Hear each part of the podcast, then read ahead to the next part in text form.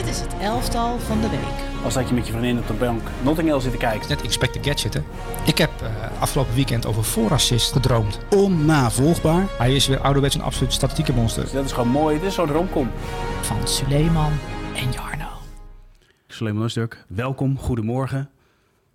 Toch? Uh, goedemorgen. Ja, dat is bijna middag inmiddels. Uh, ik heb lang zitten wachten op je. Ja, ja, sorry. Het liep allemaal een beetje uit. Excuses ja. daarvoor. Um, je hebt weer een mooi elftal samengesteld. En speciaal voor jou heb ik niet van één spelers, één speler, maar van twee spelers, beelden en een heatmap. Ja, ik ben altijd... Oh, een heatmap ook nog? Ook een heatmap. Ben ik nieuwsgierig, want er is één heatmap die ik zelf heel bijzonder vond. Um, dus ik ben nu nieuwsgierig of jij die heatmap gekozen hebt. Daar gaan we straks achter komen. Wie heb je gekozen? Uh, nou, dat, ga, dat gaan we zo achterkomen. Ik vond één heatmap dat ik dacht van... oh, wat, dit is wel merkwaardig voor een heatmap. Uh, Oké. Maar ik vind het wel leuk om dat straks te ontdekken of dat dezelfde is. Nou, gaan we meemaken. Maar we gaan gelijk beginnen met beeld. Want uh, Mike Magnan, Magic Mike, stond onlangs ook al in het elftal van de week. Was niet de grote uitblinker, weliswaar tegen Bologna. Was ja. tegen Napoli wel weer heel belangrijk. En we gaan eigenlijk even laten zien aan de hand van beelden... waarom hij zo belangrijk is voor dit Milan. Oké. Okay. Zullen we beginnen met het eerste fragment, Soelie? Ja. Komt-ie aan. Kijk, hier zie je uh, Mayan in een driemansdefensie. Hij creëert eigenlijk de driemansdefensie met Kalulu en Chiao. Nou ja, en wat dan het volgende moment is, dat is uh, leuk om te zien. Hier valt het op zich nog mee, maar hij wacht uh, totdat er een speler van Bologna komt om te binden en vervolgens de ruimte te gaan zoeken. En dan zie je hier dus in een zee van ruimte dat uh, de verdedigers van Milan vooruit kunnen voetballen. Nou kun je zeggen van oké, okay, tegen Bologna niet zo bijzonder, maar ze spelen natuurlijk deze week tegen Napoli. Ja. Heb ik de beelden van de vorige wedstrijd erbij gepakt en zien we het volgende. En ja, hier begint dat. Nou ja, wat je dus ziet is dat Zielinski en Elma staan, in aan, uh, die staan klaar om, om te gaan jagen. Nou ja, hij speelt hier Tomori in. Tomori speelt hem vervolgens weer terug. Nou, en wat hier gewoon heel prettig aan is als keeper zijnde, maar zeker ook als verdediger zijnde, dat hij zo comfortabel aan de bal is. Hij speelt Tonali in. Tonali, je ziet hem al een beetje wijzen. De volgende optie is al bekend. Hij speelt hem hier vervolgens in. Tomori krijgt de bal en heeft een zee van ruimte om in te dribbelen. Tegen Napoli natuurlijk knap, want Napoli is goed in het druk zetten. Pressingmachine. Dit is ook een mooi moment, want Calabria speelt hem terug naar Magnan. En wat hier gebeurt, Souli, dit vind ik namelijk echt heel erg leuk. Normaal gesproken zou hij Tomori uh, zou die hier aanspelen, maar dat doet hij niet. Nee, hij speelt de bal in de as. En wat je dus creëert, en dat is eigenlijk het hele punt, hij heeft nu vijf spelers min of meer gebonden aan de bal. En als je in deze fase een linie over weet te slaan, dan kom je in overtal terecht. En dat is heel belangrijk tegen Napoli in de volgende wedstrijd in de Champions League. Ja, het is wel leuk dat jij het voetballende vermogen van Mike, Magic Mike of Mike Magnan eruit pikt. Um, dat is toch leuk ook? Ja, dat is zeker leuk. Uh, omdat het, dat is een van zijn, uh, zeker bij AC Milan zie je hem steeds vaker tussen de twee centrale verdedigers uh, opduiken. En inderdaad, um, als je zijn heatmap bekijkt, is het ook vrij rood rondom dat 16 meter gebied, weet je wel. Was je op zoek naar zijn heatmap? Uh, nee, helemaal niet. Nee, nee, nee, maar dat viel mij ook op bij de... Want ik ben natuurlijk een heatmap uh, fetischist, zoals je weet. Ja, ja. Uh, en deze heatmap vond ik ook erg leuk. Um, maar Mike Magnan, dat is inderdaad voetballend vermogen. Dus dat is leuk. Hè? Dat is, daar kijken toptrainers naar. Guardiola bijvoorbeeld zou Mike Magnan een geweldige keeper vinden, denk ik. Dat weet ik wel zeker, ja. Um, maar wat ik bij hem ook leuk vind... hij pakte tegen Ierland... Ik kan je het nog herinneren, dat Nathan Collins... Ja. Onmogelijke bal. Uh, hij pakte uh, vorige midweek tegen Napoli die bal van Di Lorenzo um, met zijn uh, linkerhand, meen ik zo, uit, tikte die uit de kruising. Ja. Dus hij heeft ook nog eens dat reactievermogen. En hij traint, of hij trainde bij AC Milan. De eerste keer dat hij dat trainingscomplex opliep, Milanello, stond daar Dida. Want Dida is keeperstrainer op dat moment mm. bij AC Milan. En die gaf hier Jarenlang ook eerste doelman van Milan geweest. De kat. Hè, de kat achter reflex had hij. maar die is met Mike Magnan aan de slag gegaan. Want hij is wel... Hij was al redelijk goed hè, toen hij bij Lille keepte. Uh, maar hij is nog beter geworden. En, en, ik zat laatst na te denken van... Als je, als je à la Frans Hoek naar een keeper kijkt... wat hij allemaal moet kunnen...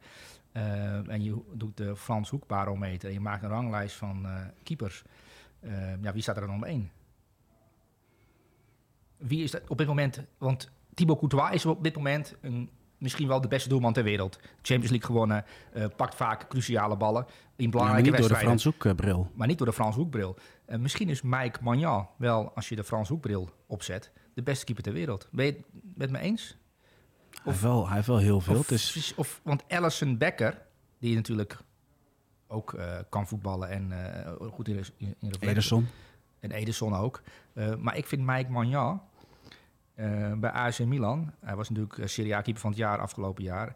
En hij is nu ook nu- de nieuwe nummer 1 van Frankrijk. Hè. Hij heeft Joris natuurlijk opgevolgd. Ja, en hij zeker. pakte die penalty van Memphis. Hè. Dus hij is echt goed op de lijn. Ja. En hij kan redelijk goed eh, voetballen. Dat bleek ook in die wedstrijd tegen Oranje. Ehm, maar ik vind hem op dit moment, als hij fit is, en dat is hij nu, ehm, misschien wel de beste doelman ter wereld. Ik vind hem, eh, dat heb ik tegen jou gezegd vorige week, hè. Ehm, hij is vrij groot en, en Hij wordt steeds groter en steeds breder tijdens een wedstrijd, zei dat je. lijkt wel, ja, zo. Ja. Eh, omdat hij zo eh, imponerend aanwezig is. Ehm, aan de bal en ook zonder bal, als die bal op hem afkomt, want dan pakt hij hem. Eh, hij pakt onmogelijke ballen. Dat vind ik wel prettig als een keeper en goed kan voetballen en onmogelijke ballen kan pakken. Ja, maar goed, dan gaan we even door naar de Champions League. Ze staan natuurlijk goed voor tegen, tegen Napoli. Ja, dankzij Maar- Magic Mike. Ja, precies. Ja. Is hij dan echt de cruciale factor? Zowel eh, met cruciale reddingen natuurlijk, maar ook wel in die eerste fase. Want Napoli is wel een ploeg natuurlijk die graag druk zet. Ja. En hij is bij uitstek een keeper die er kan bijdragen om aan die druk uit te komen. Nou, Pioli heeft dat eigenlijk of niet willen zeggen in die eerste maanden dat hij ontbrak. Maar hij is ook vijf maanden weg geweest. Eh, hij heeft ook de WK gemist.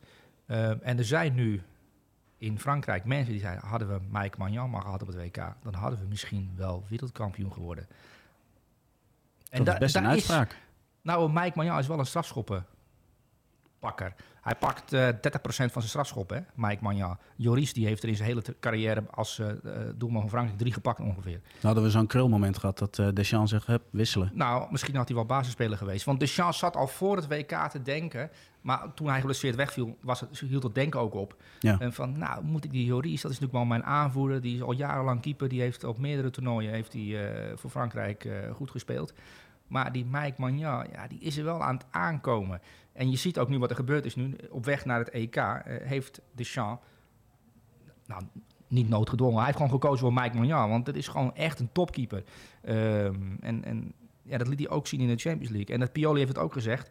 eh, een week geleden in een, tijdens een persconferentie. Van, ja, die Mike Magnan is toch wel echt belangrijk. eh, ook voor onze defensie. Maar de manier waarop wij ook willen voetballen. En AC Milan is de laatste weken wel echt aanmerkelijk beter dan voor het WK. Hè.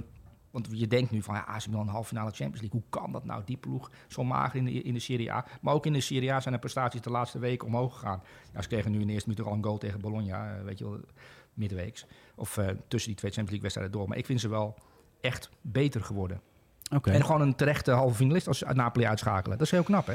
Ja, zeker. Met op dit moment de beste doelman ter wereld. En wat voor cijfer levert dat op, eh Suleiman? Nou, voor deze wedstrijd eh, ja, had hij niet heel veel te doen. Hè. Dus ik heb hem ook gekozen om... Ik wil het gewoon even over eh, Magic Mike hebben. Ehm, ook om, vanwege die redding eh, van Di Lorenzo. En ook omdat hij eh, een nieuwe nummer 1 van Frankrijk is. En om met jou te discussiëren of hij de beste doelman ter wereld is. Een 9. Een 9, uitstekend. We gaan door naar de volgende. Dat is Joshua Van Joman. Zeg ik dat goed? Nee, dat zeg je niet goed. Nee, Nee? Waknoman. Oké. Nou ja, zijn we het dan wel eens over het feit dat het een speler is met enorm veel power en heel veel inhoud? Qua loopvermogen. Eh, ja, daar zijn we het wel over eens. Hoef je geen Ehm. raketgeleerde voor te zijn om dat te zien trouwens hoor. Maar dat terzijde. Nee, dat kun je wel. Als jij in het stadion zit of je hebt de tv aan of je bekijkt de beelden van Joshua Wagnerman, ehm, dan, dan zie je dat ja. Hij met grote lange passen heen en weer denderen. Ehm, ik vind hem ook aan de bal eh lef tonen. Dus ook, Ja. ook in kleine ruimtes proberen voetbal de oplossing te zoeken. En als je naar zijn fysiek kijkt, verwacht je dat niet direct. Dat, als je, hem, je moet hem eigenlijk vergelijken met Frimpong, hè, de rechter wingback bij eh Stuttgart. Ehm, in de slotfase tegen Dortmund zeer belangrijk. In de 16 van de tegenstanders, in, zijn eigen, in de 16 van Stuttgart. Eh, met een doelpunt en een assist. Ehm, en natuurlijk ook eh, bij de nationale ploeg gehaald door Hansi Vliek. Omdat ze op zoek zijn naar een rechtsback. Iemand die de rechtervleugel kan, op de rechtervleugel kan spelen. Is ook een Duitse jeugd international natuurlijk daar eh, vaak gespeeld. Ehm, en ik wilde hem eigenlijk eh, eens met een eh, loop gaan bekijken. Om te bekijken of ik eh, ontwikkeling zie en of ik hem voor de toekomst denk, kan hij nog een stap hoger op. Wat denk je? Uh, nou, ik denk dat er trainers zijn die wel twijfelen of hij de discipline heeft om. Um, want hij maakt er af en toe wel vreemde fouten op plekken op het veld dat het eigenlijk niet mag. De Simeone wordt dan gillend gek en die, en die wisselt je dan gewoon. Dat soort fouten moeten er nog wel uit. Maar het is een jonge jongen. Um, en hij Vind je wel... de positie wel bij hem passen? Want dat, dat is namelijk ja, wat mij is opgevallen. Ook, ja, ook dat is iets Hij speelt nu als wingback. In Ah, een hij speelt als 3-4-3 wingback, formatie. maar is, wat, hij is natuurlijk relatief eigenlijk wel veel te lang voor die plek. Ja. En, en qua motoriek ook past hij daar misschien niet. Misschien is het wel een, uh, of een uit de kluiten gewassen rechtsback of misschien een rechter centrale verdediger. In een driemans defensie. In een driemans defensie. Dus ja, je, je kunt met hem aan de slag gaan. Het is wel, het is wel een speler die eh, eh, ja, gescout is natuurlijk door eh Sven Mislitat. Oeh, dus we gaan er misschien zelfs... Nou, hij is, hij is natuurlijk gedebuteerd ehm, als jongste speler. Hij was 17 toen hij debuteerde. ehm, ik meen bij Schalke 04 in de Bundesliga. Ehm, en Stuttgart heeft hem, eh of Mislintat heeft hem eh, naar Stuttgart gehaald, als ik het goed heb. Ehm, ja, het is wel een talentvolle speler die, eh, die nu ook tot international heeft geschopt. En, en tegen Dortmund erg opviel. En ja, inderdaad, als je de statistieken bekijkt, ehm, tegen, tegen Dortmund de meeste balcontact in de vijandelijke 16. Dat is wel zijn taak ook daar aan die, aan die rechterkant als, als wingback. Ehm, ja, en, en wat ik ook wel opvallend vond, als je het hele seizoen gaat bekijken qua statistieken, slechts drie verdedigers kwamen tot meer balcontact in de vijandelijke 16. En daar hoort Frimpong dan weer bij. eh Davies, dat van Bayern München en Boeta. Eh, dus hij hoort wel bij de, bij de, de beste vier, vijf eh, spelers die als wingback voor problemen zorgen. En dus past de positie wel bij hem. ja, dus en- zeggen de cijfers dus althans. hij voert, zijn, hij voert zijn taak goed uit. Eh, maar het, ik, ik, ik had ook twijfel, wat, op welke plek kun je hem, als jij nou eh, trainer bent, zou je hem kopen? Misschien is hij nog redelijk betaalbaar. Uh, groei, groeimarge zit erin, hij heeft wel een aantal kwaliteiten. Ehm, waar zet je hem nou neer? Ja, misschien inderdaad in een driemansdefensie. Ja, Eh, maar ik vraag me af, verdedigend, als hij dat keer op keer moet uitvoeren op de, zijn eigen helft, hoe betrouwbaar hij dan is. Dat weet ik er een beetje vanaf. Hè. Kijk, vanuit die wingback-rol, stel dat, dat je heel ver teruggetrokken wordt en, en je komt uiteindelijk in een vijfmansdefensie terecht. Ja, dat is Ja, dan is hij ideaal. Ja. Dan heeft hij alles. Alleen ja, dit is meer van, hij, hij komt inderdaad in de 16. Eh, ik vind wel dat hij een goede trap heeft, goede voorzet heeft. Ja. Alleen het is meer in die, in die korte ruimte. Het oogt allemaal niet al te wendbaar. Nee. Ja, maar hij is pas 22. Ehm, dus ja, en hij heeft wel een zeer belangrijke wending gegeven aan de titelrace. Dat zeker. Weet je wie me trouwens ook opviel? Nee? Tonjo Malen. Ja, door je balen. Ja, die viel mij ook op hoor. Ja. Ja. Niet overwogen om hem in het elftal van de week te zetten? Jawel, maar eh, je- kunt maar drie aanvallers selecteren. En eh, ik had Dojan Malen al een keer gehad. En dan zou jij zeggen, ja, je hebt een aantal andere jongens ook al een keer gehad. Ehm, en jij wil graag over het Nederlander praten natuurlijk. Nee, helemaal Ehm, niet. Maar ik vond hem eh, aan Dortmund zijn de beste. En ik vond hem, ik denk ook wel de beste man op het veld. Dus ik had Donjan Malen moeten selecteren. Eh, maar ik wilde graag over Joshua Waknerman hebben. Maar dat is niet heel erg sexy, geloof ik. Nee, maar geef Dus niet. Maar goed. we, eh, ik geef hem een 9. Een 9, uitstekend. We gaan door naar de volgende, is John Stones. John Stones, jij geeft het al terecht eh, in, in je mailtje naar mij aan van... ja, net als Haaland, zo belangrijk. Hij wisselt hem ook gewoon na 45 minuten. Ja. Pep Guardiola kan niet meer zonder John Stones. Ehm, nee, dat blijkt. Ehm, en de laatste, nou wat zal het zijn, acht, negen wedstrijden. En toen wij het voor de eerst over John Stones hadden, toen hij voor het eerst eigenlijk Toen in die rol speelde, toen was het onwennig. Maar hij krijgt er de lol in. Hij begint het leuk te vinden. Hij Ja. begint er ook erg goed in te worden. Ehm, maar dat zie je ook aan de statistieken terug, omdat hij bijna geen balverlies meer leidt. Hè? Ook als hij onder druk gezet wordt, telkens die goede... Dat komt ook omdat ze eh, bij City... En, en als je het beeld stilzet, twee speelopties. Beeld drie speelopties. Rodri, eh, je ziet altijd of De Bruyne of Gundogan of Grealish. Ze komen allemaal in de bal. Hè? Ze, komen, eh, je, je- ze helpen je. Als je in balbezit bent, word je geholpen bij City. Ehm, driehoekjes. Continu, de hele je, tijd. Maar heb je die veldbezetting gezien? Ja, er bij tijd wel 2, 3, 5 of zo. Ga Ja, je ja. helemaal nergens ja, over. Ja, de, de veldbezetting eh, tegen een vijfmansdefensie is bij Guardiola druk op de knop, eh, walken erbij, buitenkant houden. En, en Riyad Mahrez die moet Ja. dan in de, in de rechter halfspace eh, bivakeren. En als je dan het, het beeld stopzet, dan denk je, "Ja, dit kan niet waar zijn. Je speelt met twee centrale verdedigers op de middenlijn. Ja. Er staan er ongeveer zes in de aanval. En de middenvelders die nog beschikbaar zijn, die zijn ook nog aanspeelbaar ook. ja, Rodri, De Bruyne en vaak dus Stones. En vaak Stones, ja. ja het is eh, eh, wat veldbezetting betreft en het positiespel betreft... en het kapotspelen van een tegenstander die eh, jou het voetbal omhoog wil maken... is het lesmateriaal. Ehm, en John Stones speelt daar een zeer belangrijke rol in. Ehm, en je ziet ook dat het, dat, het, ehm, dat het toch effect heeft op andere trainers... omdat die dan ook dingen durven. Eh, je ziet ook, ik heb maandagavond ook naar Liverpool eh, gekeken, Leeds United. En ik heb ook de naam van Alexander Arnold op mijn plaatje erbij geschreven. Pieter Zwart die, eh, heeft zich zeer hard gemaakt voor Alexander Arnold in het elftal van de week. Nou, sterker nog, jij zegt zeer hard gemaakt. Hij was echt een beetje ontdaan. Boos. Ja, hij was boos dat ik eh koos voor. Joshua Waknoman in plaats van Alexander Ja. Arnold. En daar geef ik hem groot gelijk in. Ja. Ehm, maar ik moet mijn elftal natuurlijk op maandagmiddag doorsturen naar, naar de, de, Ja, maar je hebt altijd wel eens dat je op het laatste moment als trainer ook. Speler komt te laat. Sommige trainers zetten hem Ja. gelijk wissel. Maar- Moet je in dit geval ook gewoon doen. Ik heb Alexander Arnold gewoon genomineerd. Ik heb hem onderstreept en ik ga hem ook gewoon een cijfer geven. Ehm, maar die speelde op de manier zoals John Stones ook speelt. Hij kwam tot hoeveel balcontacten? 160 bijna. Ehm, tegen Leeds United. Dat is vrij veel Ja. ehm, voor een rechtsback. Maar ik, wat ik me afvroeg, en daar heb ik het met eh, Pieter ook over gehad... en misschien eh, kunnen we het ook met jou nu over hebben. Waarom wacht... Hij heeft regelmatig op die plek gespeeld. Hè? Het is niet zo dat Alexander Arnold gisteren of op maandagavond is uitgevonden als hybride back. Want dat is onzin. Hij heeft er vaker op die plek gespeeld. Maar van een trainer als Klopp verwacht ik wel dat hij Alexander... Ik heb Alexander Arnold dit seizoen zo vaak kwetsbaar gezien in wedstrijden... dat je denkt van jeetje, hij wordt nu gek gespeeld door Kvaratskhelia... een wedstrijd later door, eh, door een andere Ja, maar linksbuiten. dit hebben we eerder besproken. Druk zetten gaat zo matig bij Liverpool, waar dat voorheen altijd heel goed ging. En dat is ook waarom die vaak in de problemen komt. Ja. Maar niet alleen hij. Van Ja. Dijk is ook een aantal keer dit jaar in de problemen gekomen, mede daardoor. Ja, maar je wil ook dat Alexander Arnold, een van de aan de bal, een van de beste Engelse voetballers die er is, in de Premier League zeker, die, moet je, die wil je zien spelen op de manier zoals John Stones voetbalt of zoals Kimmich voetbalt. Die, die wil je aan de bal hebben en die, wil je, eh, die moet eigenlijk groeien in die rol ook. En je ziet als hij tegen Leeds de ruimte krijgt, hij krijgt natuurlijk wel tegen Leeds de tijd en de ruimte om die ballen te geven. En Leeds stapt ook verkeerd en daardoor komt die bal ook goed aan bij eh Nunez bijvoorbeeld. Ehm, maar je moet hem dominant laten worden in die, op die positie. En, en dan creëer je ook een nieuwe, nieuw soort middenveld. En dan ook een probleem voor de tegenstander. En je hebt gelijk, klopt. Het stipt het ook aan naar de wedstrijd. Counterpressing klopte. Waardoor het hele elftal ineens beter Ja. begint te functioneren. Ja. Ja. dat is wel het probleem. Ehm, nou ja, Stones, eh, los van eh, dat hij heel goed kan pasen, eh, Alexander Arnold, los van het feit dat hij heel goed speelde, wil ik nog één dingetje toch nog even benoemen. de uithaal van Stones. Ja, de, die vergeten we even. Hij maakt ook gewoon een wereldgoal. Ja. ja, ja. En ik zie nog wat aardige statistieken vanuit Canada. Ja, ehm 98% van zijn passes kwam aan. En hij heeft maar één helft gespeeld. En als je het aantal balcontacten ziet, dan denk je van... Daar zijn spelers in de Eredivisie, doen er daar drie wedstrijden over.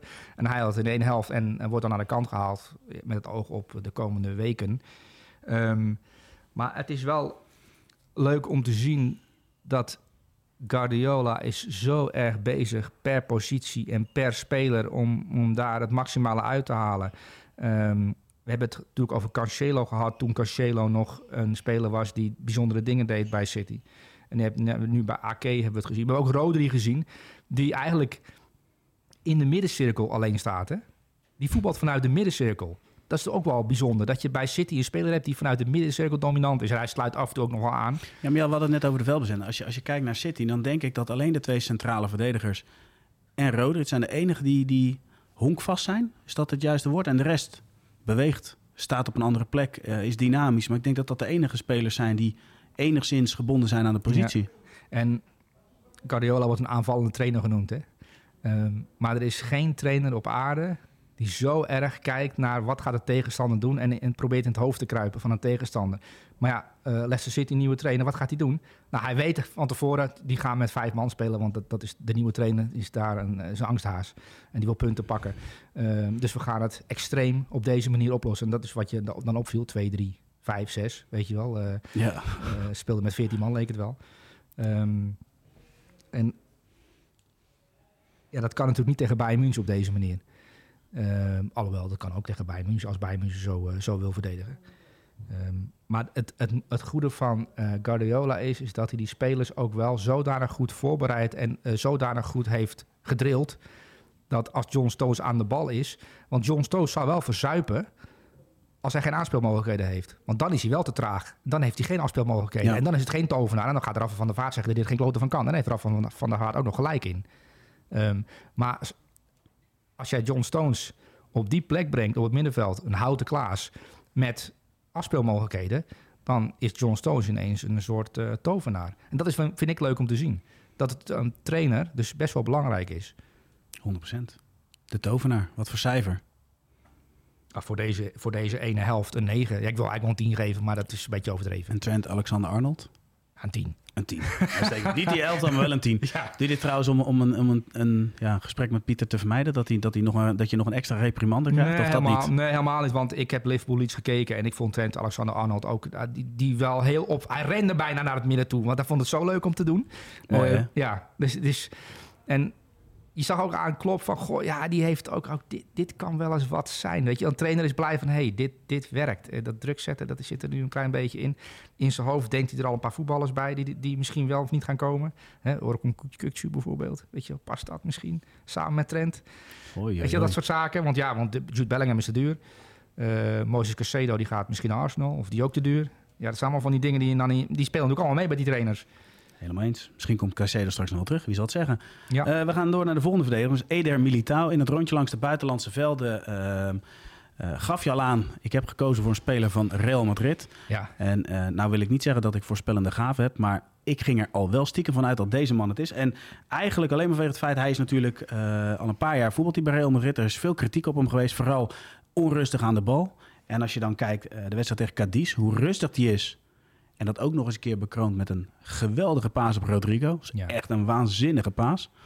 En dan zie je toch wel dat hij echt weer terug is en dat hij nou, richting wereldtop of Zit hij daar al? Nou, In deze vorm, ehm, zoals hij eh, tegen Cadiz eh, de rust aan de bal eh, heeft. Dus als, als Real Madrid natuurlijk is dominant en die probeert door die defensie heen te, te komen. Dan moet je linies overslaan. En ik vond Eder Militao in balbezit opvallend.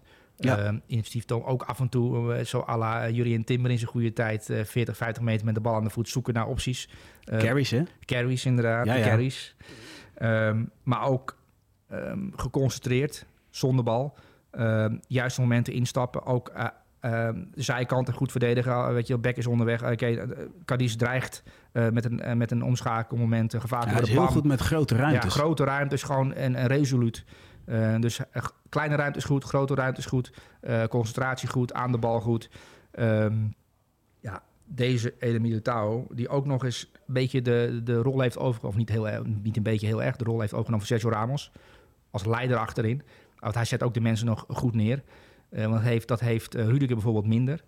Ja. Dat aspect, dat is natuurlijk wel fysiek iemand die, eh, die opvalt. Eh, maar Ede Militao heeft ook nog de rust gevonden na een aantal jaar Real Madrid om daar, oké, dit is mijn, dit is mijn defensie, dit is mijn woonkamer hier, deze helft, komt allemaal wel goed. Eh, dan zie je ook weer dat zo'n jongen toch ook eh, een ontwikkeling doormaakt. Eh, en achteraf 40, 50 miljoen euro is dan een koopje natuurlijk voor zo'n speler. die de komende tien jaar erachterin gewoon eh à la Sergio Ramos de boel op slot houdt en kalm houdt. En ook nog zo redelijk goed kan voetballen. Dat is wel belangrijk voor Ja, dat voor viel me vooral voor op de rust Ja. en controle. Ja, maar, maar als je dan de cijfers erbij pakt, die liggen er ook niet om. Nou als je gaat kijken naar, eh, ehm, naar met zijn teamgenoten, heeft eh, Misha eh, van Opta gestuurd. eh, vergeleken met al zijn teamgenoten in alle competities. Eh balheroveringen is hij de nummer 1, 219. Luchtduels gewonnen is hij de nummer 1. uitverdedigende acties is hij de nummer 1.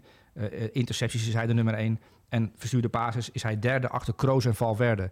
Dat zegt ook wel iets, want Kroos is natuurlijk een paasmachine en Valverde is een middenveld. En daarna komt hij. Dus hij is ehm, zeer belangrijk zonder bal. Dat, dat blijkt uit al die statistieken. En ook met bal blijkt ook uit de statistieken. Dus eh, dit, is een, eh, dit is een verdediger die zich naar de wereldtop heeft gevoetbald eh, bij Real Madrid. En dat moet ook, wil je daar natuurlijk achterin een dynastie gaan vormen als opvolger van Varaan. Absoluut, absoluut. Hij maakt in ieder geval heel veel indruk. En wat Ja. voor cijfer levert dat op ja, voor de, de wedstrijd 9,5. tegen Cadiz? 9,5. Oké, de volgende speler, Ryan Cherky. Die hebben we eerder wel eens eh, in het elftal van de week Ja. gehad. Eh, jij stuurde ehm, links-rechts. Je kan niet direct zien of die links- of rechtsbenig is. Als je nou dat moment pakt, er is, een- er is een moment, hij neemt hem aan. Hij dribbelt met links op zijn tegenstander af. Hij passeert met rechts en geeft die bal vervolgens op Tolisso. Dat, dat was eigenlijk die actie. Zegt eigenlijk alles over de voetballer Cherky. Ja, ja, ik vind dit een hele speciale voetballer. Ehm, Ja. Alleen er zit een gebruiksaanwijzing bij deze welk voetballer. Nou, ik denk dat hij ehm, zo goed is dat hij eigenlijk geen trainer nodig heeft. Hij beslist die wedstrijd toch wel. En dat doet hij natuurlijk al vanaf zijn eh, achtste. eh, in al die elftallen. En op zijn zestiende al eh, de grote baas in de tweede elftal van Lyon. Ik neem de vrije trappen wel. Jongen van 16. Stuurt, stuurt gewoon even wat oude ploeggenoten weg. Ik neem hem wel. Met Maar dan moet niet naar een absolute topclub gaan, want Nou, daar is de trainer heel bepalend. Dit, dit is dus eh, zo'n speler. We, we hebben ook Hous- Houssem Aouar gehad bij Lyon, die natuurlijk op een gegeven moment doorbrak en eh, op vrij jonge leeftijd indruk maakte in de Champions League tegen City. En we allemaal dachten, wow, de techniek, fluweel, weet je wel, wat Ja. een voetballer. En die blijft dan ook net, weet je wel, die blijft dan ook haken. Eh, nationale ploeg Frankrijk niet, ook toch maar nu eh, voor een ander land kiezen. Ehm, en deze jongen is pas 19 jaar, hè, als je hem eh, ziet voetballen met dat zelfvertrouwen. Maar ook, hij beslist die wedstrijd uiteindelijk in de, in de slotminuut door die bal te geven op Lacazette. Hè, eh, door het buiten om te gaan en die assist te geven. Ja. Ehm, en die hele wedstrijd, al het gevaar komt van hem. Eh, hij begon vanaf de linkerflank. En ja, ik vind zijn balbehandeling en, en ook zijn ehm, het gemak waarmee hij onder druk uitkomt van tegenstanders. Hij passeert super makkelijk. Ehm, hij kan heel goed voetballen. En je ziet ook dat hij eh, van deze die Laurent Blanc, hij doet ook verdedigend werk, maar wel omdat het moet. Dat doet hij niet heel graag. Eh, en ja, dat gaat je uiteindelijk opbreken in de top, omdat trainers daar toch naar gaan zitten kijken. En die stellen dan liever een andere speler op die wel die meters achteren maakt. Maar hij is wel iemand die, als je gaat kijken naar het aantal succesvolle dribbles, en we hebben nu een statistiek hierbij, op nummer 1 Messi, die nog steeds de koning is op dat gebied. En dan Ludovic Blas van Nant. En daarna komt Ryan Cherky al. Die staat voor Mbappé en eh J.D. Savanier natuurlijk. Eh, waar we het ook al een keer over hebben gehad. En van alle tieners in de grote vijf competities... is hij degene die de meeste kansen heeft gecreëerd. En tot de meeste balcontact in de 16. Dus het is voor zijn leeftijd is hij al heel erg ver. Ehm, alleen de vraag is, eh, als je gaat scouten... en je bent een topscout... moet je ook rekening houden met karakter... en, en, en vermogen om je aan te passen aan een bepaald elftal. En dit is wel een eigen gerijde jongen die geeft mij de bal, maar ik dribbel wel zoals veel Foden dat ook natuurlijk kan. Maar in de machine van City vallen dan toch minder op en raakt hij achterop bij jongens die wel eh, in de pas lopen. En dat is bij, de- bij deze jongen ook een klein beetje of heel erg een beetje aan de hand. Ja, het is echt wel echt een waanzinnige voetballer. Ja, een waanzinnige speler. Uitzonderlijk, helemaal eens. Maar als je nou één eh, kwaliteit uit moet lichten, welke kwaliteit springt er dan wat jou betreft echt bovenuit bij hem? Eh, hij kan vanuit het niets een kans creëren, vanuit stilstand. En hij, hij heeft ook het vermogen om in hele kleine ruimtes, door het midden, maar ook buitenom, om eh, um, een defensie uit balans te brengen. Met En één daarbij is zijn tweebenigheid enorm belangrijk. Nogmaals, we hebben het vaker over tweebenigheid als het gaat om schieten en pasen. Ja, maar hij, bij is een is het ook in dribbelen. hij is een Wesley Sneijder die, die met snelheid en een dribbelvermogen. Dus, dus alles wat Wesley Sneijder kon, kan hij vanuit beweging. Nou, dat is wel een unieke kwaliteit. Hij, de, die Ja. tweebenigheid. Eh, er zijn weinig spelers op dit moment in de grote vijf competities die ik zo tweebenig heb gezien als Ryan Cherky. Want ik weet niet of hij het zelf door heeft. Oesmaan Dembele was natuurlijk ook iemand die, die met links en rechts dribbelde en eh, zelf niet wist hoe hij die assist nou gegeven had, of met links of met rechts. Ja, maar die wist van zichzelf niet eens of hij links of rechts was. Dat is- ja, is. maar, hij is, Ryan Cherky is van nature wel linksbenig, hè? Ja. Ehm, maar met rechts passeert hij heel makkelijk en heel na natuurlijk bijna, als, alsof het een rechtspoot is. En dat is wel, eh, ja, het is, het, is, het, is, het is een zaalvoetballer op het veld. Qua, Ja. qua techniek en, en dynamiek en intensiteit en zo. Maar ja, van zaalvoetballers weten we ook, want ik heb ook een zaalvoetbald. Ehm ik vond het in de zaal al lastig om een mannetje bij te houden. En dat heeft hij ook een beetje, weet je wel. Dat Was is jij een beetje lui? Nou, lui, lui wil ik niet zeggen. Ik spaar de energie op. Ja, dat is lui. Dat kun je ook lui noemen. ja. Selectieve luiheid. Ja, nou, als jij dat wil, eh, als jij mij iets een complex wil aanpraten, mag dat. Maar Nee, ik voel me totaal niet aangesproken. Maar dat is ook het probleem van dit soort jongens. Dat ze denken van, ja, dan heb je die jaar nou weer met zijn gezeik. Ja. Weet je wel? Klote trainer. Ja, klote trainer. Heb je niks aan. Ja, hey, luister. eh cijfer voor Cherky. een negen. En 9. We gaan, eh, we gaan weer beeld kijken, Sully. Kijk even naar het fragment. Dit is eigenlijk eh Eberechi Eze ja, in drie fragmenten. Hier, tegen Southampton, wordt hij op een gegeven moment aangespeeld. Je ziet al dat het druk om hem heen is. Hier wordt hij ingesloten. Denk je, nou, kans voorbij. Hij dribbelt zich onder die druk uit. En dat daarin is hij wel met één lichaamsbeweging is hij drie man kwijt. Hij komt hier in eh, schietpositie. En dan is het volgende beeld, Sully. Wat gebeurt er dan? Het is een doelpunt Ja. dit is eigenlijk Eze gewoon in drie korte stils zie je voorbij komen. Dit maakt hem uniek en dit maakt hem nou ja, tot een van de belangrijkste spelers. Zo niet de belangrijkste speler van Crystal Palace. Ja, we hebben het natuurlijk over Michael Olise gehad eh, twee weken Maar die is nu geleden, niet ver. Week, maar die speelt aan de rechter buitenkant en hij speelt in het centrum. Ehm, en toen hij net doorbrak, Eze, eh, bij Crystal Palace, vond hij een geweldig koppeltje met Zaha. Omdat hij eh, vooruit i- in het centrum, hij is niet bang om ook de bal te vragen in de middencirkel. En dan met twee man om zich heen, om dan een uitweg te vinden. En af en toe gaat het wel fout. Hij leidt ook balverlies op momenten dat het eigenlijk niet kan in de top. Ehm, maar hij heeft één, wat je, je, dat haal je er goed uit, één unieke kwaliteit is dat hij onder druk eh, een uitweg kan vinden in dat labyrint eh, in het midden. En het oog zo simpel. Het is één Ja, ja, lichaamsbeweging hij heeft- en hij is er drie kwijt. Ja, hij, natuurlijk, ja, hij kan ongelooflijk snel en makkelijk wegdraaien. Eh, dat zie je ook in momenten dat hij de bal aanneemt en dan als een soort eh kronskogel wegschiet vanaf zijn pluk en, en, en dan niet meer te achterhalen is. En dan kun je hem eigenlijk alleen nog maar neerhalen.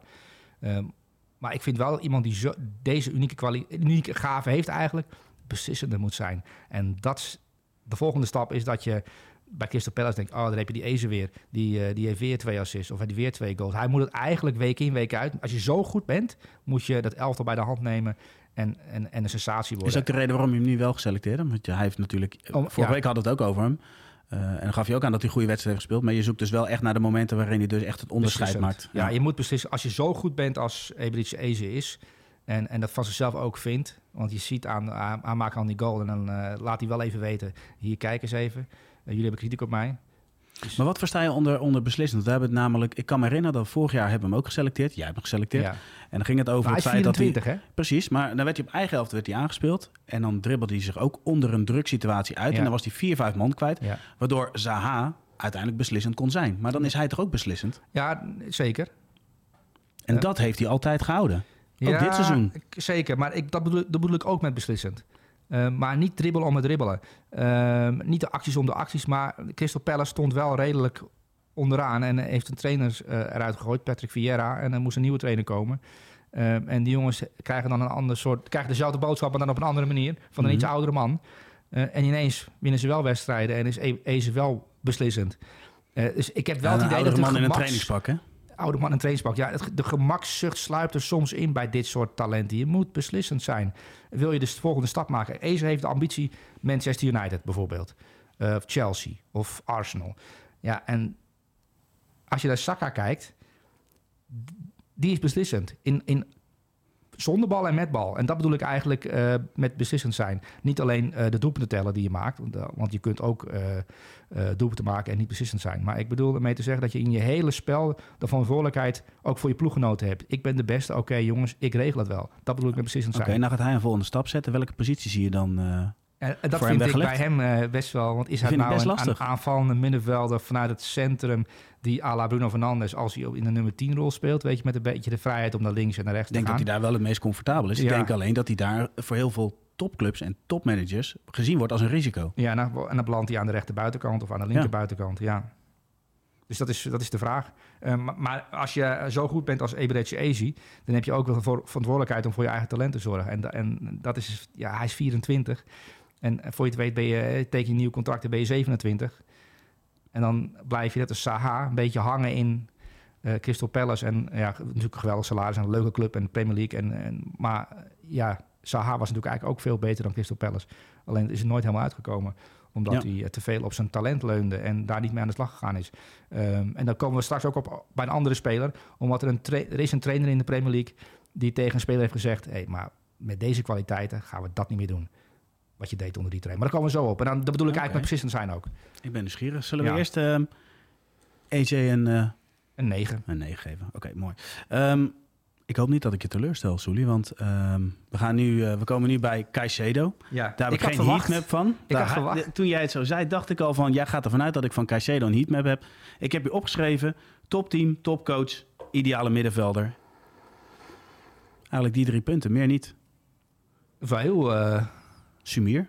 Eh, ja, want ik heb in het rondje verteld dat er maar één speler is waarvoor ik ben gaan staan eh, afgelopen weekend. Dat is Moises Caicedo, omdat ik hem eh, ervan verdenk dat hij soms de bal expres verspeelt om terug te kunnen veroveren, zoals N'Golo Kante vaak deed. Hè? Die vloog gewoon een paar keer per wedstrijd de bal, omdat hij het een beetje saai begon te vinden. Ja, die creëert zijn eigen omschakelmoment. Om te laten ja. zien hoe goed hij daar Kijk eens, is. Ja, kijk eens trainer. Heb ik weer een omschakelmoment. Kijk, press. Zie me pressen. Ehm, nee, maar je speelt op Stamford Bridge. Ehm, en McAllister en uh, Caicedo, die vormen met z'n tweeën een heel middenveld. En, en de rest loopt eromheen. Ehm Enzo Fernandes dacht in de eerste helft een keer dat hij wel tijd had voor een paas. En, eh en Caicedo stond redelijk op grote afstand. Maar die had wel... met deze passen ben ik er in een anderhalve seconde bij. Bam, erbovenop. Maar dat doet hij echt bewust. Dat is bewust gedrag. Ja. Maar je ziet hem, het is, het is eigenlijk gewoon het is een sluipmoordenaar. Ja, en hij is ook nog eens iemand die, eh, als, als Breiten natuurlijk van achteruit probeert op te bouwen, ook nog eens naar ruimte zoekt om aanspeelbaar te worden om het spel te verleggen. Ehm, en je ziet hem ook wel eens met rechts een balletje iemand aan de buitenkant aanspelen op, met gevoel, eh, juiste snelheid. Dus hij kan ook hij kan echt goed voetballen. Hij begint steeds beter te voetballen eh, in de Premier League op dat tempo. Ehm, ja, en ik, het is daarom dat Arteta natuurlijk ja, 70 miljoen eh, wilden ze betalen. Dat had een koopje geweest voor Arsenal als ze de Moises Caicedo voor 70 miljoen hadden kunnen krijgen. Ehm, maar ik begrijp wel waarom die Arteta denkt, ja, met Caicedo erbij, met Sinchenko dan, het voetballend vermogen op het middenveld neemt natuurlijk enorm toe, maar ook het vermogen. Ehm, als je de bal verliest, dan zit hij er bovenop. Want ehm, ja, het, in je, als je voetbal zit te kijken, denk je, in- je hoofd leg je allemaal ranglijst staan, hè? zo werkt het dan een beetje. Mhm. Dan denk je, goh, eh, een Kante, die loopt tegen het einde van zijn carrière aan. Die heeft natuurlijk op een, die heeft jarenlang gedomineerd in de Premier League.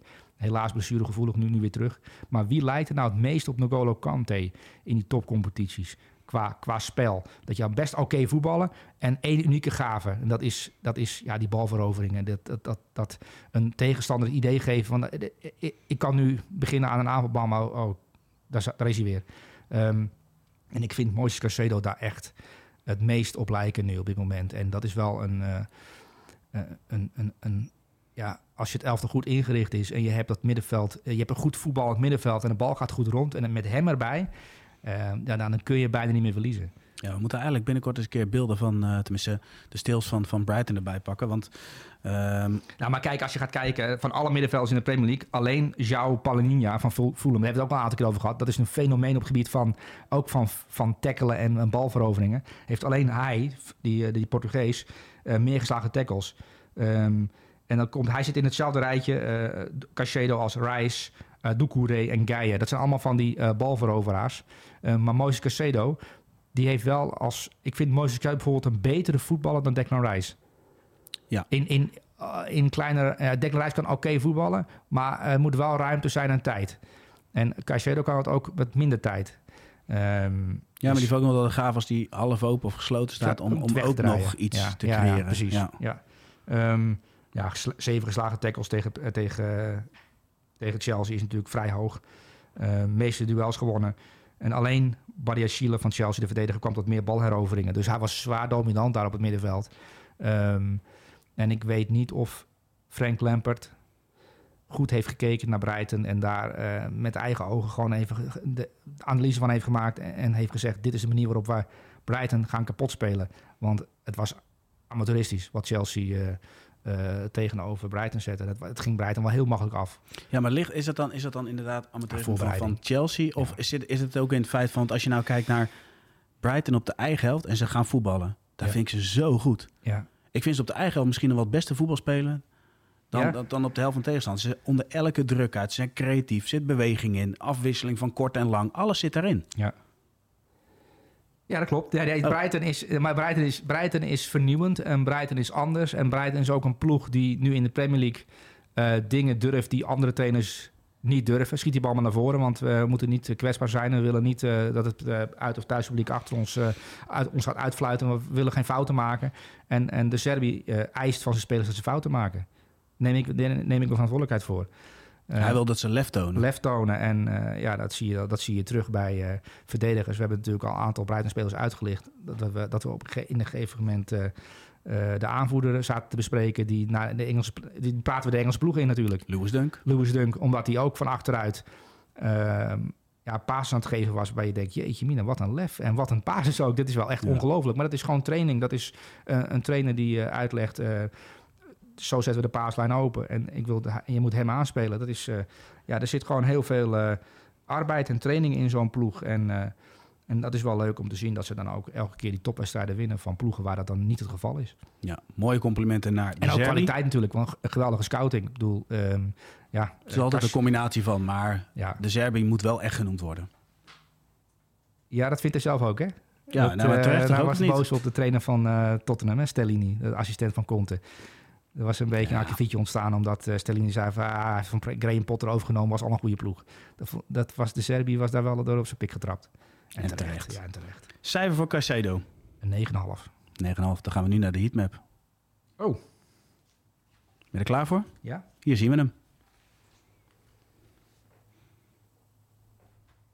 Ja, Dit is de heatmap van... eh, Antoine Griezmann. Ja, maar, Ja, dit is niet van eh, de, de Griezmann die wij uit het verleden kennen. Dit is de nieuwe Griezmann. Nee, en eh, weet je wat het leuke is?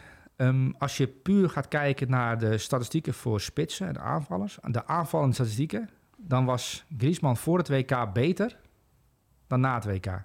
Dus als, je gaat, als jij een, een scout bent, een datascout bent en je kijkt naar de statistieken, dan zeg je, nou, voor het WK was Griezmann beter in vorm, want dan kwam hij tot betere aanvallende waardes. En dan hebben we het over eh kans creëren, dat soort zaken allemaal. Ehm, in de Ja, maar 16 toen had je alleen maar een aanvaller. ja, maar eh, als je gaat kijken naar, eh, naar de wedstrijden van Atletico Madrid... en ook hoe belangrijk, of hoe, hoe, hoe, ja, hoe makkelijk ze nu de wedstrijden nu winnen... want ze winnen best wel veel wedstrijden. Atletico is op dit moment een van de ploegen die het best in vorm is. Ehm, en, en de rol van Antoine Griezmann... en als je gaat kijken naar zijn wedstrijden... hij komt eigenlijk niet meer in de 16, hè? Eh, die heatmap, die, die ondersteunt... Bijna niet. Nee, nou ja, één keer dan maakt hij hem Die gelijk. kopbal die, die Ja. binnenkopt, inderdaad. Maar hij komt bijna niet meer in de 16. Maar je ziet ook dat hij als een soort van... Nou, als jij training geeft, sta je toch op het veld tussen je spelers in. Sta je advies te geven, toch? Eh, Soms je, wel. Of ben jij geen trainer die in het veld staat? Jawel, soms wel. Nou, nou, Ja, nou, tijdens trainingen. bij de Antoine. Antoine Griezmann heb ik bijna het idee van eh, dat hij als trainer in het veld staat. Eh, en dat hij... Hij is ook continu aan, aan- om, om zich heen aan het kijken. Oké, Carrasco die staat iets verder naar voren. Ik kom iets meer naar binnen toe. Oh, eh, ik, sta nu niet, ik sta nu vast qua paaslijn. Weet je, ik moet iets meer uitzakken. Hij is zo ongelooflijk intelligent in, eh, in het voetbal zelf. Ja, maar hij is de meest dienende speler van Atletico... en ondertussen ook nog eens een keer beslis- beslissend. Ja. En, en dat maakt hem wel uniek Ja. ten opzichte van voor het WK. Ja, en dat is ook de rol die hij van Je- Deschamps natuurlijk heeft gekregen. En ook de vrijheid die hij heeft gekregen. Ehm, trainer, Kanté en Pogba zijn weg. Je kunt mij ook in een iets dienende rol zetten... met Giroud en Mbappé en een derde aanvaller... Kingsley Coman of Ousmane Dembele. Dat kan ik wel aan. En Deschamps die hoort dat dan aan en denkt ook... ja, dat vind ik zelf ook eigenlijk wel een goed idee. Dat gaan we proberen. En, en ja, die vorm en, en dat, dat spel heeft hij doorgetrokken bij, bij Atletico Madrid. Wat ook zonder Memphis, die natuurlijk nu, nu ontbreekt. Ja. En hij speelt op papier als spits, hè, eh, Griezmann. Je ziet hem Ja, als spits hij, staan. Ja. Maar hij is helemaal geen spits, want Carrasco speelt eigenlijk aanvallender. Ehm, en er zijn ook middenvelders die eh, meer diepgang vertonen dan, eh, dan Griezmann. Maar hij is continu bezig met ehm, ehm, ja, het spel verleggen, en, eh, in balbezit ervoor zorgen dat, eh, dat andere spelers eh, op hun plek kunnen arriveren, zodat hij die bal kan geven. En het, is, het is iemand die creëert en ondertussen ook heel goed in de gaten houdt wat het elftal nodig heeft. Ja. En ehm, op zijn manier, we hebben het vaak over John Stones en eh, die het spel een klein beetje vernieuwt. Ik vind dat hij ook eh, op een andere manier betekenis geeft aan wat een aanvaller kan zijn. 100%. En wat voor cijfer levert dat dan op? Ze hebben overigens gewonnen van eh, Almeria. Ze hebben gewonnen van Almeria, weer gewonnen. En eh staan nu stevig in de top 4. Dat was eigenlijk het doel, hè, want het ging niet zo goed met Atletico. En Memphis moet komen, we hebben goals nodig, we hebben creativiteit nodig. En eh, je willen wel bij de eerste vier eindigen. Simeone was toch re- redelijk in paniek. We hebben trouwens, eh, we- weet je dat we op YouTube een nieuwe rubriek hebben? Ik heb geen idee. De Wat als Woensdag. Bas en Lentin die gaan woensdag bespreken van wat als Diego Simeone vertrekt bij Atletico Madrid. Oh. Wat gebeurt er dan met Atletico Madrid? Best wel een interessant vraagstuk. Ja, dat kan ik eh, mag ik het antwoord geven of gaan zij dat bespreken? Ze gaan het bespreken. Nou, zij gaan de duiding geven. Dus je mag kort een antwoord geven. Nou, die gaan, eh, eh, die gaan erachter komen dat eh, Simeone ja, de best betaalde trainer ter wereld is. Ehm, en dat het ook een klein beetje terecht is. Omdat het, het elk jaar maar in de top 4 eindigen. Of zelfs kampioen worden. En Real en Barcelona uitdagen. Dat is vakwerk. Ehm, en er zijn niet zoveel vakmensen in de top die 10 jaar, 11 jaar, 12 jaar deze druk aankunnen. Elke keer maar spelers kwijtraken en dat vernieuwen. Ehm, en dan gaan we zien of Atletico bij de eerste negen eindigt. Ik ben benieuwd of de mannen het met je eens zijn. Ja, Cijfer voor eh, Griezmann. een 9,5. 9,5. We gaan naar Jeremy Doku. Ehm, dan zeg ik eigenlijk alleen maar, wat een versnelling. Ja. Ja, en, en pas 20 jaar. Ik, ik eh, wil niet altijd de leeftijd erbij noemen, maar soms dan eh, loopt zo'n jongen al redelijk lang mee. En dat moest de opvolger van Eden Hazard worden in de nationale ploeg natuurlijk. Ehm, en dat was hij ook als invaller. S- ja, supertalent dat dan snel doorbreekt bij. Wordt voor veel geld verkocht de Stad Rennes. En helaas dan, net als eh, wel meer dit soort explosieve spelers... van spierblessure in spierblessure terechtkomen. Ehm, maar als je dan ziet wat hij tegen Stad Rijms eh, in momenten laat zien... want aan de bal, versnellend, eh, richting de 16... hoe stop je deze jongen af? Eh, er zijn weinig opties. Ja, en als je, vind ik vind wel, wel mooi dat dan de statistieken komen. En als je dan gaat kijken naar eh, de meeste dribbles per 90 minuten in de grote vijf competities, dus van alle dribbelaars bij elkaar opgeteld. Op één Doku, 12 dribbles per 90 minuten. Daarna Jeremy Boga van Atalanta, dat is ook een fenomeen, een echt een dribbelaar. En eh Kamaldeen Sulemana, ook van in het Rennes. elftal gehad. Ja, um, Vinicius Junior natuurlijk. En eh, Jamie Binu Gietens. Dat is een van de concurrenten van, eh, van eh, Malen. En dat is ook een hele jonge Engelsman die, die ook op dribbelen zit. Um, en dat zijn tegenwoordig spelers die, die, ja, waar clubs als Dortmund actief naar op zoek zijn. Hè? Want dat, dat zijn spelers die geld waard zijn. Want zodra zij, zoals Vinicius Junior, die is twee, drie jaar lang in allerlei programma's besproken van ja, maar is wel weinig rendement. Maar zodra dit soort spelers doorheeft in de top hoe dat rendementsdeel werkt, ja, dan worden het spelers die niet meer te verdedigen zijn. Dat Vinicius Junior is bijna elke week beslissend samen met Benzema. Dat is zo'n ongelooflijk belangrijke speler. En Doku heeft het ook in zich. Zodra hij eh, de volwassenheid en de rust vindt om, om, om ja, beslissend te zijn. Hè? Dat is de, misschien wel het toverwoord van deze uitzending. Eh, maar dat, dat moet deze jongen ook gaan krijgen.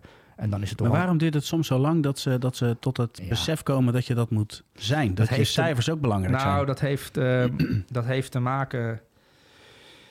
Dat heeft te maken met manier van leven, manier van trainen, ehm, eh, videobeelden kijken. Het vak serieus. Je moet op een gegeven moment denken: oké, eh, zoals wij, we gaan ons naar ons werk. Ik kan ook dit niet serieus nemen. En eh, op maandagavond in het café gaan hangen, een leuke tijd hebben met een blonde vrouw, bijvoorbeeld. Op leeftijd of gewoon voor je eigen Nou, leeftijd? gewoon van mijn eigen leeftijd. Maar ik ben al redelijk op leeftijd, dus dan kom je toch al, al bij 40 plus uit. Oké. Eh, in een oudere bar. nee, maar ik kan natuurlijk ook niet serieus nemen. Ik kom hier, ik kom hier om vijf voor tien binnen. En jij zit op mij te wachten. Ik ga zitten. Ik heb de helft niet gezien. En dan lever ik een wanprestatie. De kijker denkt, waar gaat het over? Is die jongen er wel bij? Ehm, maar het ga, met, met voetbal is het natuurlijk ook zo. Ehm, je moet op een gegeven moment dat als een vak gaan, eh, gaan ervaren. En sommige jongens die leren dat nooit. En die, die, die vallen dan langzaam een beetje weg. En, of zijn niet goed genoeg. Dat kan natuurlijk ook. Je kunt ook niet goed genoeg zijn. Eh, en, en er zijn een aantal Dat jongens... vraagt ook een ijzeren discipline. Die hebben wij Nou, natuurlijk. maar Vinicius Junior heeft dat zelf ook. En, en heel veel spelers hebben dat al uitgelegd. En Vinicius Junior is daar een voorbeeld van. Die heeft een heel bedrijf om zich heen nu. In, met, met koks en fysiotherapeuten. En al die jongens die dat. Die nemen dat een beetje van elkaar over. Dat is dan. Oh, heb jij een eigen kok? Oh, je. je Oké, ja. Dat is wel lekker. Zo hoe lekker het voor jou zou zijn als jij of jouw vrouw. eh, nooit meer hoeft te koken. Dan haal je heel veel tijd over om bijvoorbeeld extra te trainen. Of nog meer beelden te kijken. Of, of, of, of, je kinderen beter voor te lezen. Je houdt heel veel tijd over aan de dingen die essentieel zijn voor het vak dat je uitoefent. Ehm, bij City ook allemaal. Hebben ze allemaal een kok. Eh, in de top tegenwoordig allemaal een kok. En eh, er zijn ook spelers in de Eredivisie. Hè? Die van jongen van Go Eagles heeft het ook wel eens uitgelegd in de VI. Hoe heet hij ook weer? Ik weet niet wie je bedoelt. Ja, die, die, eh, die waar die topclubs heeft gezeten. Die bij Go Eagles in de aanval staat. Oh, dat kan je. Bobby Adekanje, die heeft natuurlijk ook een hele, hele familie om zich heen. eh, die, eh, die, die dingen uit, die hem ontzorgt eigenlijk. Ja. Nou, zelfs op dat niveau gebeurt dat. Ja, maar goed, die heeft natuurlijk ervaring opgedaan in de In de top. top. Lazio, Ja. Liverpool, noem het allemaal op. Dus die, die heeft dat een beetje meegekregen. Alleen, het punt is, je moet het ook maar kunnen betalen. Ja, je moet, ja, tuurlijk, als je niet kan betalen, als je bij Top Os speelt, dan is het wel lastig om dat eh, voor elkaar te Ja. krijgen. Maar dan neem je een snackbarhouder als kok, hè? Ja, maar ik weet niet of, ik weet niet of onze directeur uitgever, als wij nou zeggen van ja, wij, wij hebben een kok nodig, want dan kunnen we nog meer beelden kijken en dan kunnen we nog meer voetbal kijken.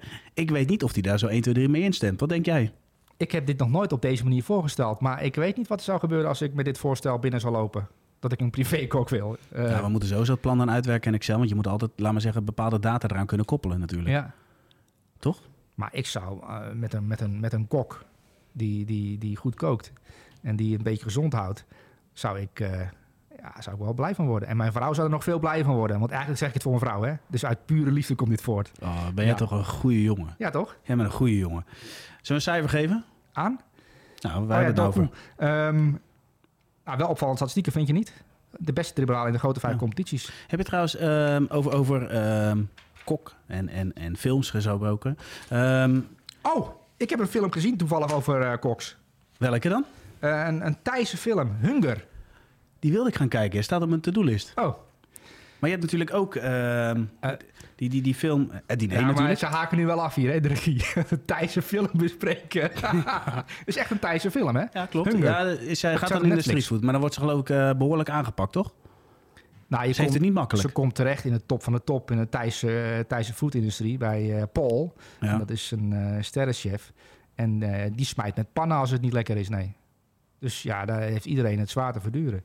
Eh, maar ik ga niet de clue van deze film eh, verklappen. Komen we binnenkort op terug. Maar ik moet zeggen dat ik zeer geïntegreerd ben geraakt door, door de Thaise filmkunsten. Dus ik ga nog meer Thaise films kijken. Uitstekend, uitstekend. Ehm, we gaan naar de volgende spits. En dat is Ollie Watkins. Trouwens ook een hele leuke serie, Beef. Is al gemaakt door Aziatische makers allemaal. Staat ook op Netflix. Dat heb ik ook zitten kijken. Vond ik ook eh, leuk. Dat jij nog tijd hebt om voetbal te kijken. Het is echt niet normaal. Ik kijk helemaal geen voetbal, joh. Kijk je niet hey, zullen we Ollie, Ollie Watkins even eh, bespreken? Er, er is één jongen, die vond, er stond een reactie onder eh, het rondje. Dat is echt die laatste goede reactie van een jongen die, die zich afvroeg hoe ik het naar je godsnaam voor elkaar kreeg. Om al die wedstrijden, de grote vijf competities te kijken. Voor, voor dinsdagochtend en voor maandagmiddag eigenlijk. Want hij heeft het één keer geprobeerd en hij was op donderdagavond nog niet klaar.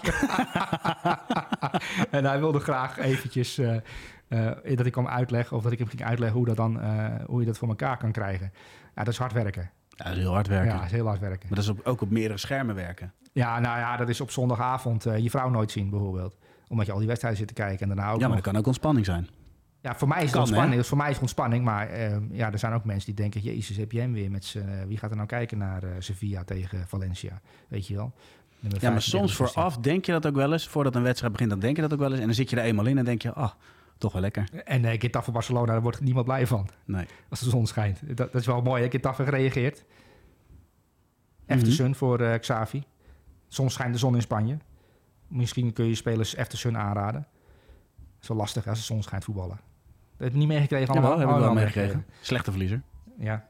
hey, eh, we gaan, moeten even door. Ollie Watkins. ja, dit is Ik probeer al een paar keer dat bruggetje te maken. Ehm, spits. Ja. Een beetje een... Beetje wat meer ouderwetse spits, vind je niet? Nou, ehm Ollie Watkins die liep eigenlijk altijd diep. Want hij kan hard lopen. Zeker. Ehm, hij liep de channels in, hè. dat had hij geleerd. Channels in, duiken, links, rechts. Ehm en Unai Emery wordt trainer. Die bekijkt beelden en die denkt... "Jee, die Ollie Watkins die rent alle kanten op. Maar wat heb ik daaraan als trainer? Ehm, dus die is met hem gaan zitten zoals eh Unai Emery ook is gaan zitten met... We hebben het natuurlijk van... eh, Dan Juma. van Arnoud uh, Janjuma zelf gehoord eh, hoe, die, hoe die op de details zit. En die is met Ollie Watkins gaan zitten. En die zei tegen hem, ja, je, moet, je beweegt veel te veel. Blijf nou eens centraal staan. Zo ongeveer 16, dat 16 meter, dat, dat vierkant, dat is ongeveer jouw bewegingsgebied van links naar rechts. Meer hoef je niet te bewegen. De beweging wordt wel gemaakt door andere spelers op die vleugels. Jij moet ervoor zorgen dat je centraal eh aanspeelbaar bent en dat je daar eh, diepte maakt. En dat je, je hoeft niet naar de cornervlag te rennen, want ja, daar staat de goal niet. Ehm, en als je ziet de invloed van Una Emery bij Aston Villa, als je ziet waar ze stonden toen Girard vertrok Ja. en, en waar ze nu staan, want ze dreigen, ze kunnen als het een beetje goed uitpakt allemaal, gewoon Champions League voetbal. eh, Dat is toch bizar. Maar ik, ik vind sowieso de invloed van een trainer... Dat, we- dat is jarenlang is dat een beetje... Nou ja, zo van... Ja, het gaat om de spelers. En natuurlijk de spelers. Maar het, is altijd de combinatie van spelers en de trainer. En dat zie je nu toch ook weer. Want Dan Juma gaf het ook aan. Van, ja, die, die hoorde toch dingen die hij eerder niet had gehoord. Ja. Die werd op dingen gewezen die bij hem... Nou ja, en, en, en Dan Juma keek veel voetbal. Jij kijkt veel voetbal, maar Dan Juma keek ook veel voetbal. ja. Dat hij toch echt verrast werd. En ja. en ja, dat zie je nu ook wel weer terug. Want Ja, hij ziet ook, want Ollie Watkins vertelt dan in, in- die heeft natuurlijk, die komt uit dat systeem en die is dan, die heeft natuurlijk ook wel bij aardige clubs gezeten en, ehm, maar die komt dan nu bij een trainer die zo gedetailleerd met hem aan de slag gaat, ook met aan de hand van videobeelden en die zegt van ja kijk, maar dit is, dit wil ik niet, dit wil ik wel. Ja, die jongens leren gewoon in een paar weken veel sneller dan onder een andere trainer, Eh, omdat hij zo gedetailleerd met ze bezig is. En goede trainers zijn bezig met ehm, hun spelers in relatie tot elftal. Die maken spelers beter maar, en daardoor ook elftallen beter. En die combinatie, je bent als trainer beter voor je spelers. Er zijn trainers die dat niet beseffen. Die denken, ik ben trainer omdat ik dit elftal moet laten winnen. Nee, je bent er om die spelers beter te maken en uiteindelijk het elftal. En je ziet bij eh, Aston Villa eh, spelers dingen doen die ze normaal gesproken eerder niet deden. Eh, we hebben het over die keeper van Ajax gehad, die natuurlijk bij eh, Villarreal heeft gezeten. Voetballende keeper, ja, dat heeft Unai Emery van hem gemaakt. Ehm, we hebben Martinez een aantal keer besproken. Geweldig keeper, WK gewonnen. eh handlanger van Messi. Maar die bij Aston Villa is hij ineens dingen gaan doen die we eerder niet bij hem gezien hebben. Die kan, blijkt opeens een heel goed meevoetballend keeper te zijn. En zo zie je ook bij Ollie Watkins een enorme ontwikkeling. Ehm, 16 goals gemaakt sinds de komst van Unai Emery. Er heeft maar één speler in de Premier League sinds, die, sinds de aanstelling van Unai Emery meer goals gemaakt. Dat is wel mooi. Als je nou de Erling Haaland. Ja, goed. Maar die heeft maar één goal meer gemaakt. Dus we hebben het over de super, superman. Erling Haaland, die heeft 17 goals gemaakt sinds de aanstelling van Unai Emery. Maar Ollie Watkins 16. En Watkins moet ook iets harder voor werken.